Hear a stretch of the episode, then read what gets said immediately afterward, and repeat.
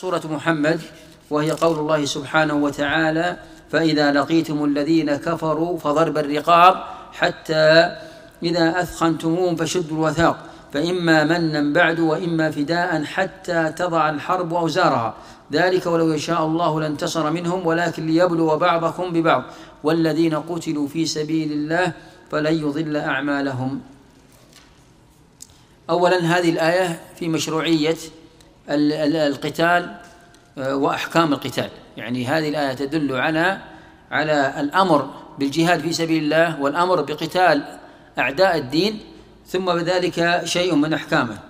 وفي قول تعالى فإذا لقيتم الذين كفروا فضرب الرقاب هذا فيه دلال على عز إظهار عزة المؤمن وعزة المسلمين وإظهار هيبة الإسلام أمام أعدائه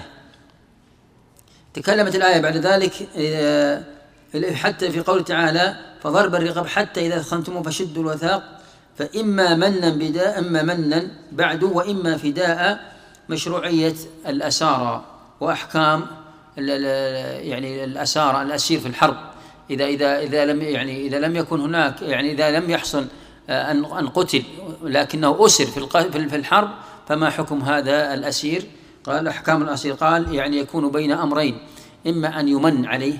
ويترك ويخلى سبيله وإما أن يطلب منه أن يفدي نفسه فيخلص نفسه بالفدية حتى تضع الحرب آه، أوزارها يعني هذا الحكم قائم والجهاد قائم في سبيل الله الجهاد في سبيل الله قائم حتى تضع الحرب أوزارها حتى لا يكون هناك آه، قتال بمعنى حتى يظهر الدين ويعلو دين الله عز وجل على سائر آه، الأديان كما قال سبحانه وتعالى هو الذي أرسل رسوله بالهدى ودين حق ليظهره على الدين كله طيب آه، قال بعد هنا في آخر السورة قال فلا تهنوا وتدعوا إلى السلم وأنتم الأعلون والله معكم ولن يتركم أعمالكم آه، نؤكد ولا نزال نؤكد على أن الآيات مرتبطة بعضها ببعض وإن بعدت في المسافة فإن الارتباط موجود الآن في أول السورة أمر بالجهاد والقتال في سبيل الله وهنا تأكيد على قضية الجهاد في سبيل الله آه، في أول يعني في أول السورة نلاحظ الأمر في بضرب الرقاب وهنا أمر آه، بالقتال ونهي عن الضعف أمام العدو والوهن أمام العدو والمهادنة والمسالمة قال فلا تهنوا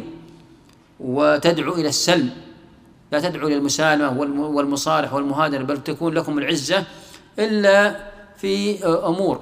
كأن يكون يعني المسلمين آه، في في ضعف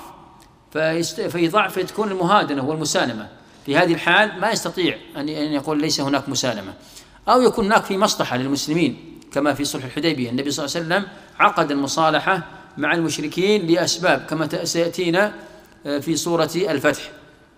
فإذا كان في حال الضعف ووجد الإمام المصلحة في عقد المسالمة آه، فلا مانع من المسالمة أو طلبها الأعداء وإن جنحوا للسلم فاجنح لها إذا طلبها الأعداء بالمسالمة آه، لا مانع من أن نسالمهم